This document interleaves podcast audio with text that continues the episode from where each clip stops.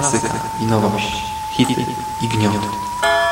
Wszystko co mroczne, straszne i tajemnicze znajdziesz na necropolitanblogspot.com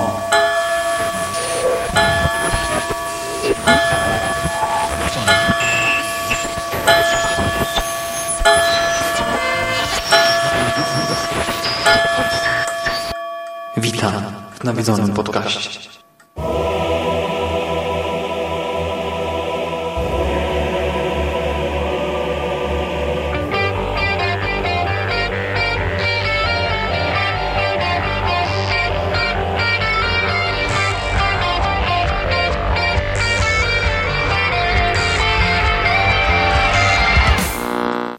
Jest sobota, 8 października 2016 roku.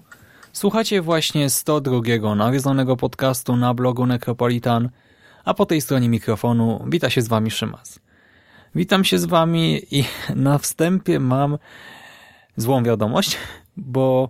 Albo nie, zacznę od dobrej. Dobra wiadomość jest taka, że słyszymy się dzisiaj, że podcast się ukazał, bo już się zastanawiałem, znaczy nas zastanawiałem, może ja nie do końca przyjmowałem to jako jakąkolwiek opcję, ale Mando mi sugerował, żebym po prostu zrobił sobie tydzień przerwy, a podcast nagrał, zmontował i puścił po prostu za tydzień, bo zwyczajnie rozpoczął się semestr. Nowy semestr zimowy nowego roku akademickiego 2016-2017 i w związku z tym no wiecie, to nie był lekki tydzień, zaczęły się zajęcia ze studentami, zaczęły się zajęcia dla doktorantów i zaczęły się moje sobotnie kursy niemieckiego, które prowadzę i które sprawiają, że moja sobota zaczyna się około 14 i to jak dobrze pójdzie, co trochę zaburzyło moje plany, a do tego jeszcze z Mando przygotowaliśmy dla Was pewnego rodzaju event na konglomeracie, coś czego jeszcze nie było,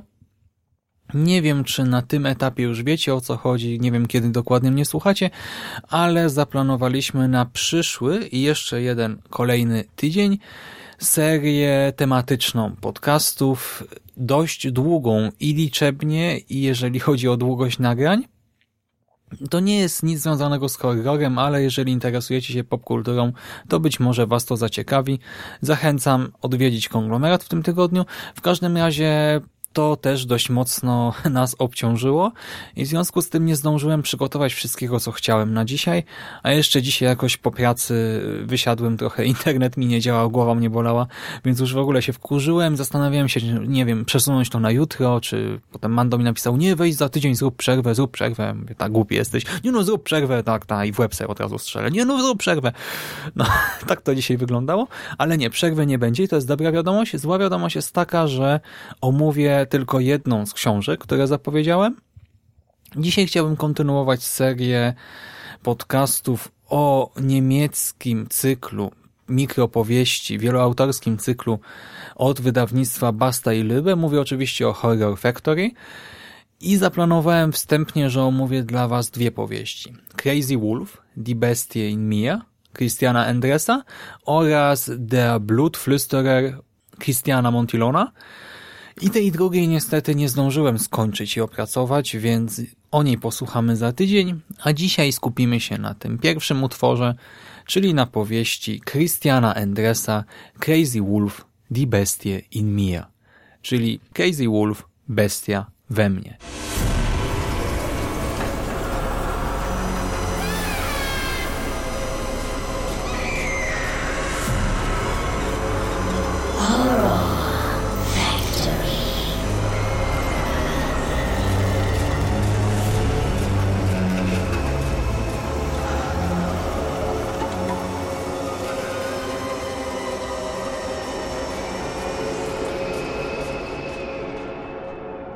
Crazy Wolf.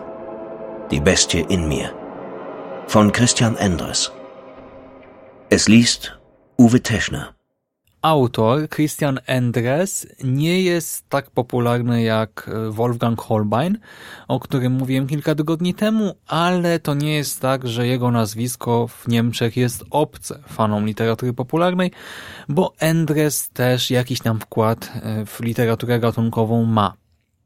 Facet pracuje na co dzień jako redaktor w Panini, i odpowiada za redakcję niemieckich e, wydań Spidermana, Ironmana, Batmana, Avengersów, Flasha, Green Arrowa, Wonder Woman, e, Strażników Galaktyki, Konstantina, Punishera, Lobo, Harley Quinn, Wojowniczych Żółwi Ninja, Sonów Anarchii, Deadpoola, Szpona, Wiedźmina, Konana itd., tak itd. Tak Więc na co dzień siedzi w komiksie superbohaterskim przede wszystkim, ale jak słyszeliście nie tylko, ale także pisze. I tak jak Holbein reprezentuje wszystkie możliwe konwencje, bo pisze i fantasy, i high fantasy, i dark fantasy, i science fiction, i powieści detektywistyczne, i horrory oczywiście, jakieś dziwne hybrydy.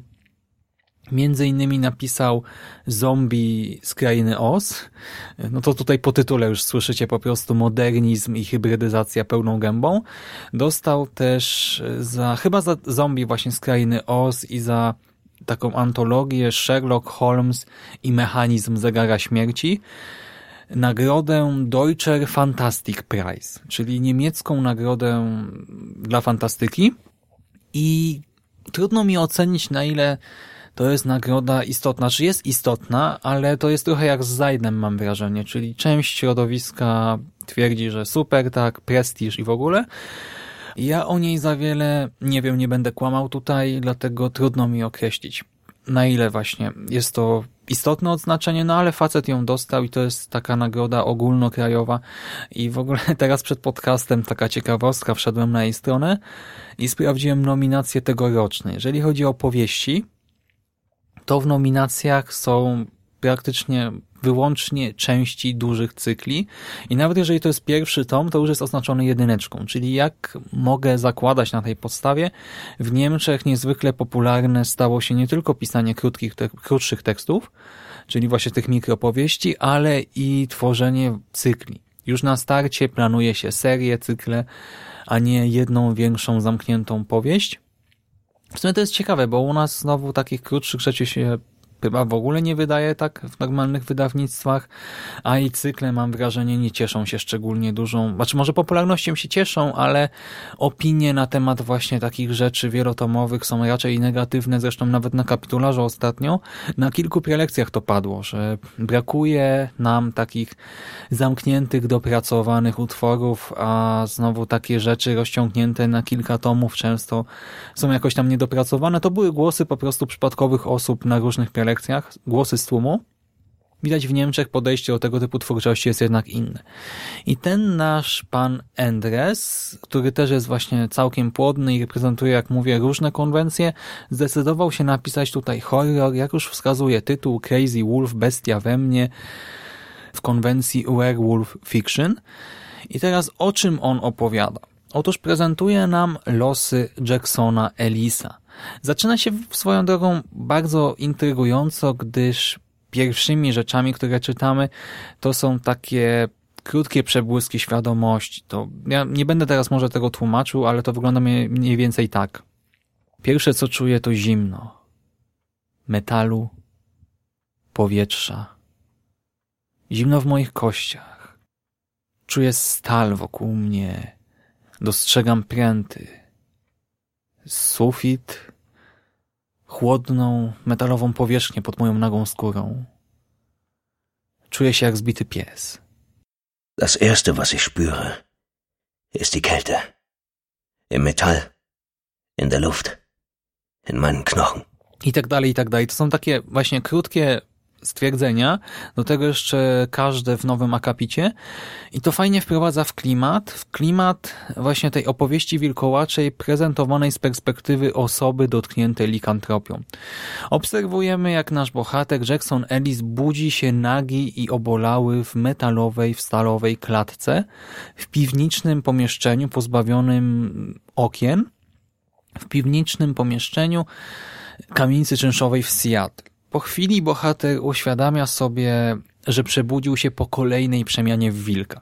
W tym pomieszczeniu towarzyszy mu jego wierny pies, Marlow, i gdy Jackson odzyskuje ludzką postać, Kundel z przyczepionym do obroży kluczem podchodzi bliżej klatki, podchodzi do swojego pana, dzięki czemu ten może się z niej wydostać. Następnie Ellis, który swoją drogą jako narrator pierwszoosobowy burzy nierzadko czwartą ścianę, zwraca się do nas i opowiada nam historię swojego no, wilkołactwa. Do pierwszej przemiany doszło wiele lat temu, gdy nasz bohater jako młody chłopiec obchodził swoje dwunaste urodziny.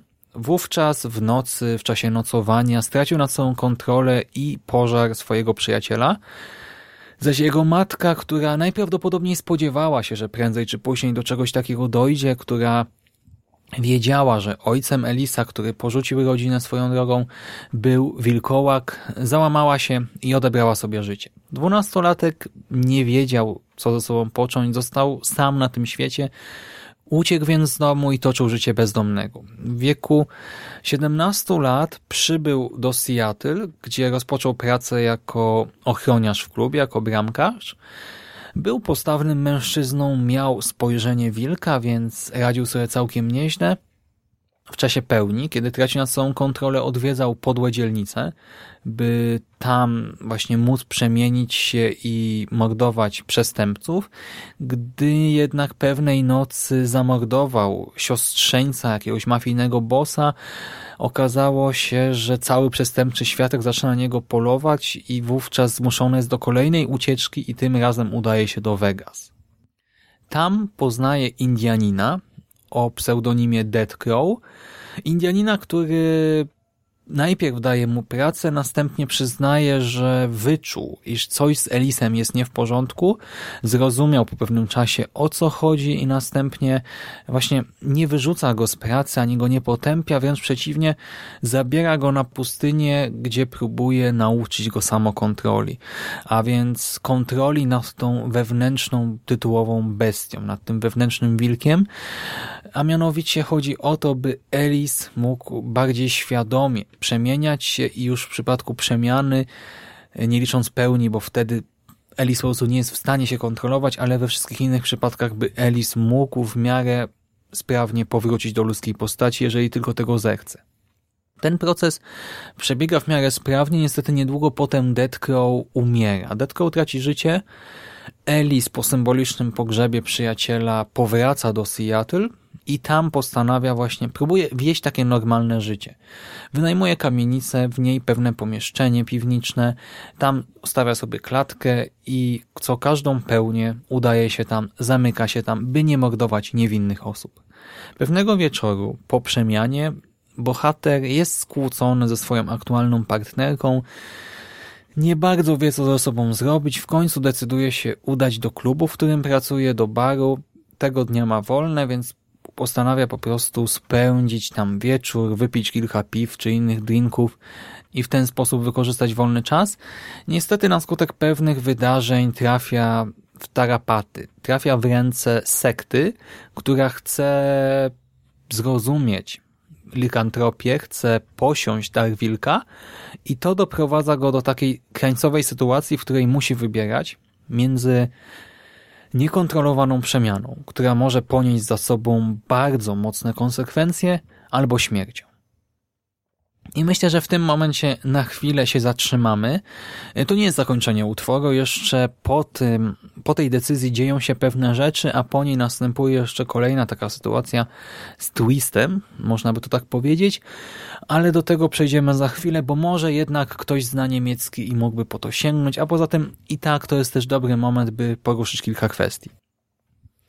Jak już wspomniałem, y, Die Bestie in Mir, Crazy Wolf to jest typowy przykład monster literature, werewolf fiction, tej literatury lykantropicznej, ja szczerze mówiąc, jeżeli chodzi o teksty literackie, to nie znam zbyt wielu tekstów o wilkołakach, zaś e, te realizacje filmowe raczej kojarzą mi się z pewnym konkretnym, może nie tyle schematem, co z konkretnym wykorzystywaniem tego motywu, a mianowicie z tym obrazowaniem właśnie okropnej przemiany i późniejszego mordowania kolejnych ofiar, też zazwyczaj w sposób jakoś tam brutalny. To jest taki stereotyp, który jakoś tam się zalągł w mojej głowie. I tutaj ten utwór był dla mnie pozytywnym zaskoczeniem, bo jest też, jest moim zdaniem bardzo dobrym wykorzystaniem archetypu wilkołaka i też takim ciekawym w sumie studium likantropii, gdyż autor całkiem sprawnie pokazuje pewne różnice i podobieństwa między tym człowiekiem, który jest świadomy, E, siebie i tą bestią, która przejmuje nad nim kontrolę po przemianie. Ale może po kolei. Skupmy się na razie na samym potworze. Nasz bohater przemienia się w wilkołaka po pierwsze w czasie pełni księżyca i to jest przemiana automatyczna. Nie da się nic tutaj zrobić przeciwko temu. Ona musi zawsze nastąpić.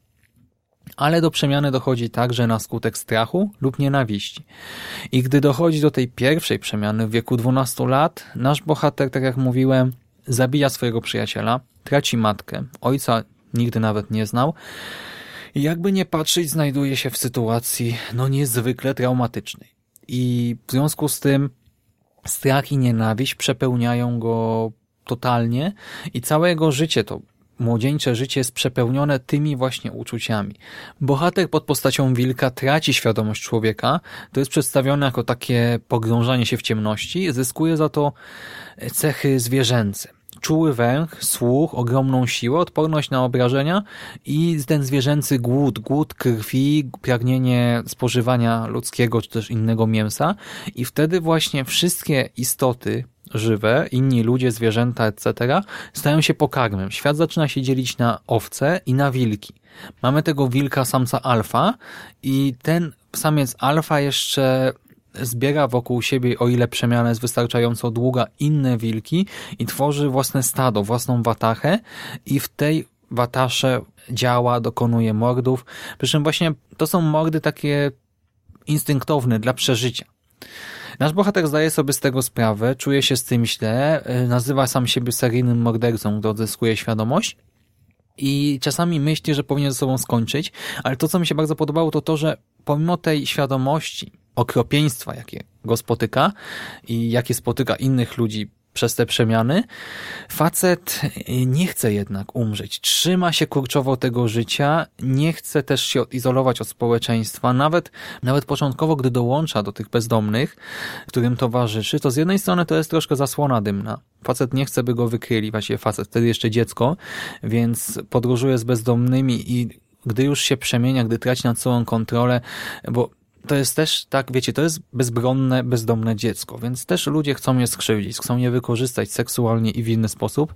W momentach po prostu tego strachu, nienawiści, gdy dochodzi do przemiany, nawet jeżeli kogoś zamorduje, raczej po pierwsze nikt nie będzie szukał takiej osoby bezdomnej, a po drugie, nawet jeżeli już ktoś znajdzie te zwłoki, to też nawet nie wiadomo, czy będzie jakieś śledztwo w tej sprawie, czy może po prostu wpisze się NN do papierów i tyle. Więc nasz bohater z jednej strony czuje się bezpiecznie, jako ten seryjny morderca nie z wyboru, z przymusu, a ponadto ma wrażenie, że jednak jest częścią jakiejś wspólnoty.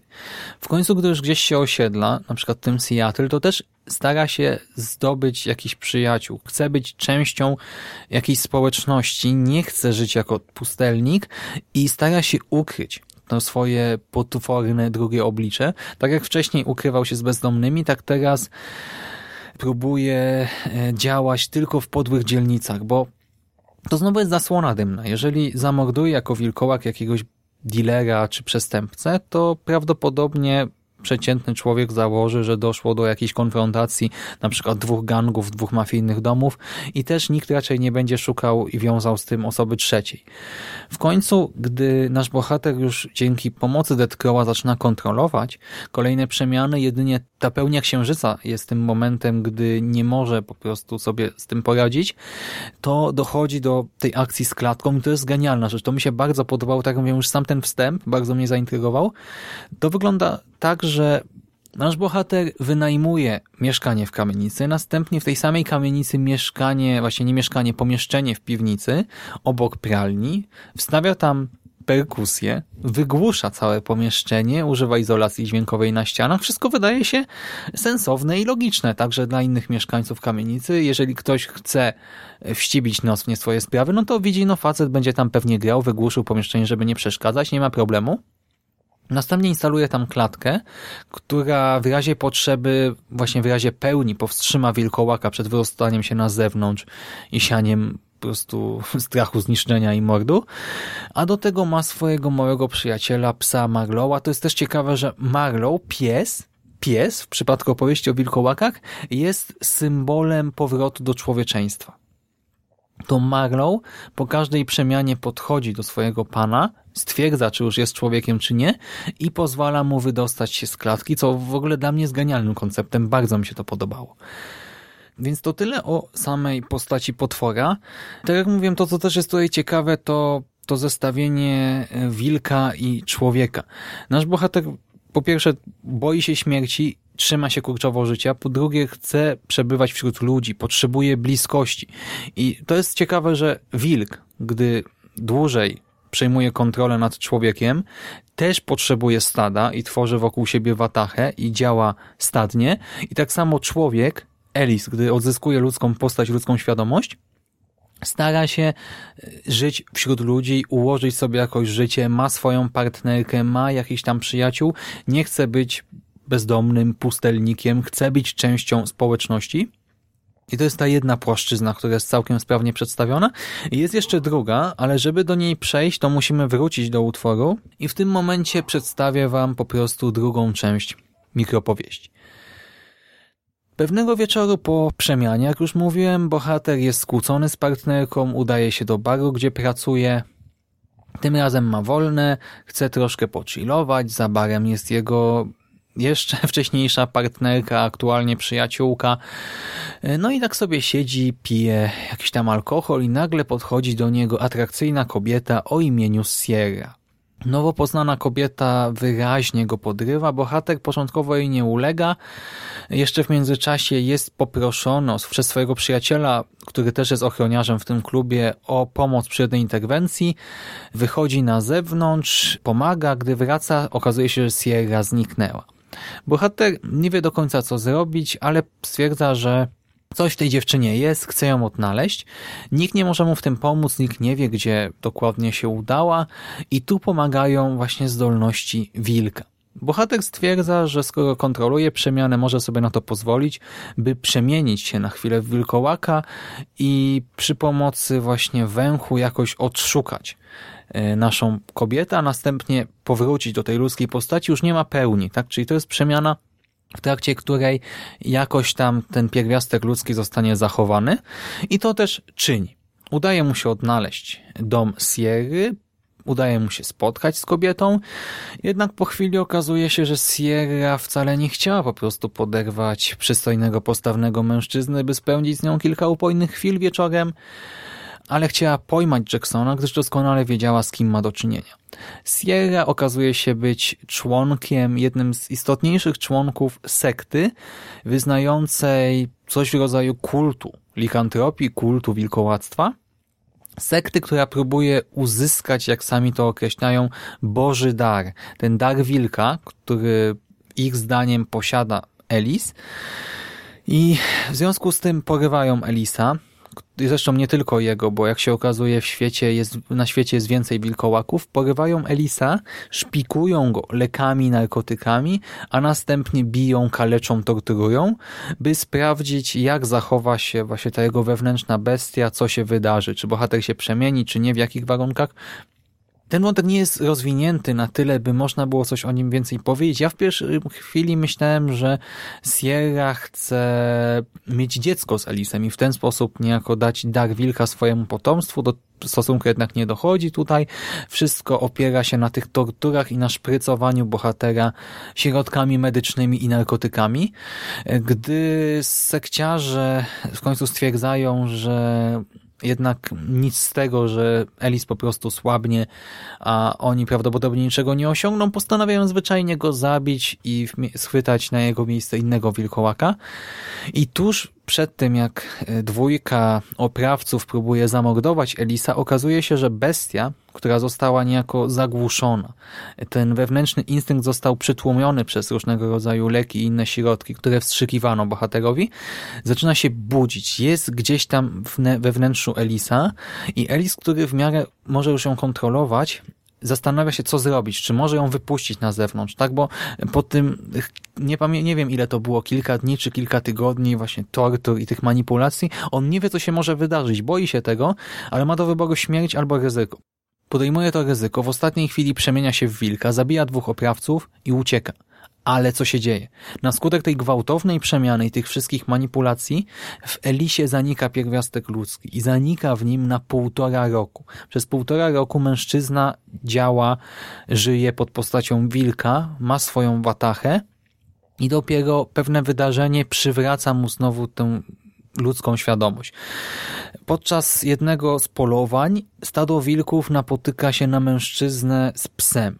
Mężczyzna dostaje zawału, zaś pies stoi przy ciele, broni swojego pana i wówczas w Elisie budzi się wspomnienie o jego psie. Przypomina mu się Marlow i to doprowadza do transformacji, do ponownej transformacji w człowieka.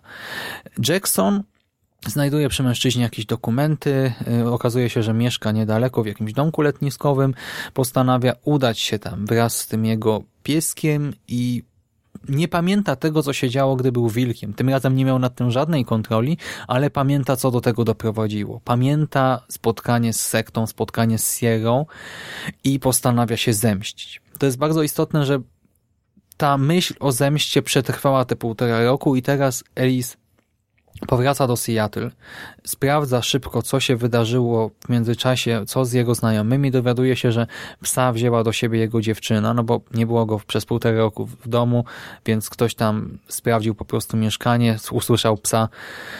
Dziewczyna go przejęła, dziewczyna znalazła sobie nowego partnera. Jackson nie wie, co ze sobą począć, udaje się więc do barmanki, która właśnie wcześniej też była jego partnerką, a potem już przyjaciółką. Ta opowiada mu, że wszyscy uznali, że po prostu najprawdopodobniej albo opuścił na stałe Seattle, zerwał z dotychczasowym życiem, albo co bardziej prawdopodobne z ich punktu widzenia, bo ten świat przedstawiony, to Seattle i to Vegas to są takie właśnie brudne miasta, nieciekawe, tam żyją bezdomni, mafiozi, y, bywalcy klubów i to jest wszystko, co wiemy o społeczeństwie w tych miastach tutaj, więc założono, że Ellis zginął.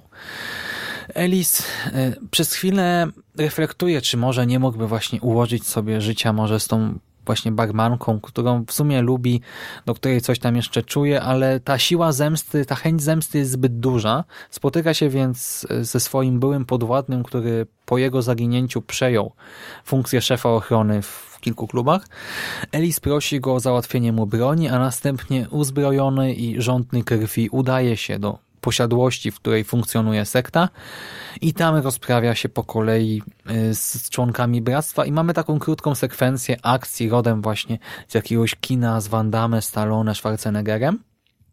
I w końcu dochodzi też do konfrontacji z samą Sierrą i też wilkołakiem, który przebywa teraz, nowy wilkołak na terenie tej posiadłości. Y, na skutek właśnie tej walki Elis znowu traci nad sobą kontrolę i przemienia się w wilkołaka. Zemsta zostaje wprawdzie dokonana, ale człowieczeństwo znowu przegrywa walkę z tą wewnętrzną, z wewnętrznym wilkiem i Elis znowu traci świadomość, znowu staje się tym wilkiem. Tutaj dochodzimy do momentu, który podoba mi się od strony fabularnej, ale mam zastrzeżenia do struktury, kompozycji, sposobu prowadzenia narracji. Cały tekst był pisany z perspektywy pierwszoosobowej, tak, tego narratora bardzo subiektywnego, który też burzył czwartą ścianę co jakiś czas, z tego też wynikał czarny humor, ale to też pomagało się zidentyfikować z bohaterem, bo tak jak mówię, tutaj mamy sporo e, przemyśleń na temat tego, jak to jest być tym wilkiem, zabijać, nie móc tego kontrolować, potem móc kontrolować częściowo i tak dalej. I to było bardzo ciekawe, ale w tym momencie, w tej końcówce, świadomość ludzka zanika. A to jest koniec książki, tak? Czyli bohater nie może już opowiadać tej historii i nagle mamy narratora zewnętrznego, autorialnego, wszechwiedzącego, który kończy opowieść. Opowiada o tym dokonaniu zemsty i następnie mamy taką krótką relację z wydarzenia, do którego doszło później. Nie wiemy, czy tydzień później, miesiąc później, rok później, dziesięć lat później. Wiemy, że Elis pod postacią wilkołaka spotyka Marlowa. Prawdopodobnie spotyka swoją dziewczynę, jej nowego partnera, którzy gdzieś tam się przechadzają, ale przede wszystkim natyka się na psa, na Marlowa.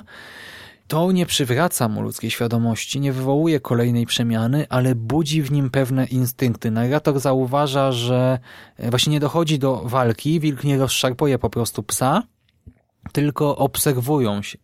Dwójka zwierząt obserwuje się wzajemnie i to ma być takim sygnałem, że ta cząstka ludzka, ten pierwiastek człowieczeństwa gdzieś tam jeszcze tkwi i tym się właśnie kończy ten utwór. I w gruncie rzeczy naprawdę ta końcówka bardzo mi się podobała, była klimatyczna, jedynie z punktu widzenia narracji jakoś to ta zmiana nagła troszkę mi się nie podobała, chociaż też nie wiem, jak inaczej można by to obejść. No i wracając do problematyki utworu, to co tutaj jest ciekawe, to ten motyw zemsty jako pewnej rzeczy ludzkiej. Wilk zabija w związku z instynktem, tak? Bestia zabija, by przeżyć, by zdobyć pożywienie, i wilk niejako nie reflektuje tej pamięci ludzkiej, nie żyje tymi wspomnieniami o sekcie, ale ta pamięć pozostaje w człowieku, który gdzieś tam jest wyparty i gdy ludzka świadomość powraca, okazuje się, że Elis nie zapomniał o sekcie, chce powrócić i chce się zemścić. To nie do końca jest logiczne, bo już wiemy, że Elis raz się wpakował sam w tarapaty, bo właśnie zamiast po prostu dogadać się ze swoją dziewczyną, ona chyba się nazywa Ebi, to poszedł do tego baru, stwierdził, że zobaczy czy coś mu wyjdzie z tą dziewczyną, tak, która w sumie no, pojawiła się znikąd, niczego o niej nie wiedział, udał się, udał się do niej do domu, jeszcze zaryzykował przemianę. To samo w sobie jest niebezpieczne, bo nawet jeżeli kontroluje jako taką bestię, no to jednak mógł dokonać morderstwa. Utracić na chwilę nawet kontrolę po przemianie i wówczas sprowadzić na siebie kłopoty, on właśnie postanowił zaryzykować tak trochę naiwnie, bez sensu i wiemy jak na tym wyszedł. Teraz znowu wygrał na chwilę walkę z tym nadprzyrodzonym, z tym potworem i wie, czym się może skończyć dla niego właśnie życie tą zemstą, nienawiścią, złością czy innymi negatywnymi emocjami ale zamiast uciec gdzieś indziej i rozpocząć nowe życie, on wraca, nie potrafi odpuścić, nie potrafi żyć bez zemsty i odrzuca od siebie jeszcze ten głos rozsądku, którym jest Deathcrow. I tutaj mamy ciekawą analogię do Dextera, tak właśnie analogię, takie jednoznaczne nawiązanie, trochę wręcz plagiat może nawet można by powiedzieć, bo wiecie, Dexter, każdy na pewno kojarzy tutaj postać Dextera, e, seryjnego mordercy, który jest pozbawiony właśnie sumienia, ma swojego tak zwanego mrocznego pasażera i ma też swojego ojca, który także po śmierci nawiedza go jako jak gdyby, to, to, znaczy to nie jest duch, tak, ale Dexterowi wydaje się, że rozmawia ze swoim ojcem i Dexter też ma swój wewnętrzny kodeks, ma swój kodeks moralny, wedle którego po, postępuje. I w przypadku Crazy Wolf, The Bestie in Me mamy dokładnie to samo tutaj. Po pierwsze, Jackson ma swojego mrocznego pasażera, którym jest zwyczajnie ta bestia, wilk, tak? Po drugie, Jackson też ma swój jakiś kodeks. Najpierw działał z tymi bezdomnymi, potem próbował zabijać tych przestępców, teraz stara się jakoś zapanować nad swoim wewnętrznym potworem. A po trzecie, jego ojcem, który pomagał mu też jakoś sobie radzić z tym problemem, kontrolować tę agresję, był Deathcrow, ten Indianin, o którym wspominałem. I po śmierci Deathcrowa Jackson też ma wrażenie, że rozmawia z nim, że widzi go gdzieś obok siebie i że prowadzi z nim dialog, aż do krytycznego momentu w końcówce, kiedy Deathcrow, a właściwie ten głos, który Alice słyszy w swojej głowie, mówi mu, że jeżeli zdecyduje się na zemstę, jeżeli nie będzie w stanie odpuścić, to on znika, nie? I właśnie w końcu Alice postanawia się zemścić, Deathcrow znika, więc znowu mam analogię do Dextera, Ktoś mógłby powiedzieć, że to jest właśnie może tanie, tak właśnie zagrznięte, ale w tekście sprawdza się to bardzo fajnie i autor Endres przyznaje się też wprost do tego, do tej inspiracji Dexterem, bo, bo serial też jest przywoływany dosłownie w jednej z wypowiedzi Elisa. Zresztą ogólnie w tym tekście pojawia się trochę nawiązań do popkultury, do Zmierzchu, do Dextera, do Karateki, do Gwiezdnych Wojen, do Księgi Dżungli itd., tak itd. Co też jest dla mnie akurat plusem i tak jak mówiłem, ta postać psa to jest coś genialnego. Pies, e, który jest dla wilkołaka symbolem powrotu do człowieczeństwa, zarówno po każdej przemianie, tym symbolem powrotu ze skóry wilka do ciała człowieka i wyjścia z klatki. Zresztą wilkołactwo też jest taką klatką, nie? która zamyka człowieczeństwo człowieka, dlatego człowiek tutaj zamyka wilka. To też można fajnie, myślę, interpretować. A do tego potem najpierw ten jeden pies budzi człowieka w Elisie po tej przemianie, gdy ucieka sekciarzom, a na końcu znowu pojawia się Marlow i po raz kolejny też wzbudza ten pierwiastek ludzki w wilku i to jest jedyna istota, tak, która przywraca człowieczeństwo w Jacksonie. Bardzo fajny motyw moim zdaniem. I cały ten tekst, mam wrażenie, bardzo fajnie obchodzi się z postacią wilkołaka. Może nie jest jakoś szczególnie super, hiper oryginalny, to jest literatura rozrywkowa i tak jak właśnie nie dowiemy się z niej raczej niczego otaczającym nas świecie, nie skłoni nas do głębszej refleksji na temat e, naszego ja, chociaż może troszkę, to już na temat tej postaci, właśnie Wilkołaka, mówi bardzo dużo i ja przy lekturze teraz zwracałem uwagę na to, jaka jest na przykład ogromna różnica między Wilkołakiem a wampirem, bo właśnie wampir jako ten obca, tutaj Wilkołak to bardziej Jekyll i Hyde, nie? Ta bestia w ludzkiej skórze, właśnie ten motyw rozróżnienia pomiędzy człowiekiem przed przemianą i po przemianie, do tego te zwierzęce instynkty, y, które też niekoniecznie muszą być traktowane jako coś złego, no bo tak jak mówię, no wilk po prostu chce się pożywić, tak, chce zdobyć y, pokarm. No wszystko myślę można ciekawie analizować, interpretować i jeszcze oczywiście w związku z tą przemianą i tą specyfiką egzystencji, wilczej egzystencji, mamy też tutaj elementy horroru cielesnego. To się pojawia już na samym początku, e, po tej pierwszej przemianie, gdy tam bohater zwraca uwagę na na niesmak w ustach, na gorycz, na smak krwi, na to, że wypluwa czasami, czy zwraca jakieś resztki włosów ludzkiego ciała, fragmenty skóry, to jest dość nieprzyjemne te opisy są dość nieprzyjemne, do tego też mamy opisy tego, co się dzieje z ciałem w czasie przemiany, jak się nagle ma się wrażenie, że kości pękają, skóra rozciąga się do granic możliwości, ciało jest rozrywane, klatka piersiowa jest rozrywana i tak dalej, i tak dalej. To też no jest dużym plusem, bo wzmacnia tę atmosferę horroru i cały tekst jest, pomimo iż ma elementy autoironiczne, pojawia się czarny humor, zwłaszcza gdy Elis troszkę budzi czarną ścianę, czasem ma takie troszkę sarkastyczne odzywki, ale to nie burzy atmosfery ogólnej i nie sprawia, że tekst staje się nagle lekki i przyjemny. Y, on nie jest może jakoś super mroczny, nihilistyczny czy coś, ale jednak ma klimat odpowiedni dla tekstu, który zaliczamy do horroru i co mogę powiedzieć na koniec? Drugi tom Horror Factory nie ma nadal fajerwerków, ale jest bardzo ciekawy, sprawnie napisany, dobry tekst, więc ja jestem zadowolony. A jak będzie z tym trzecim jeszcze nie wiem, bo jeszcze go nie skończyłem, ale o tym już porozmawiamy za tydzień.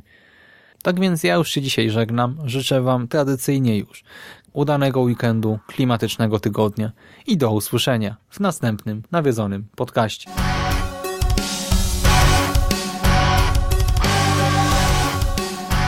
A już za tydzień w kolejnym nawiedzonym podcaście.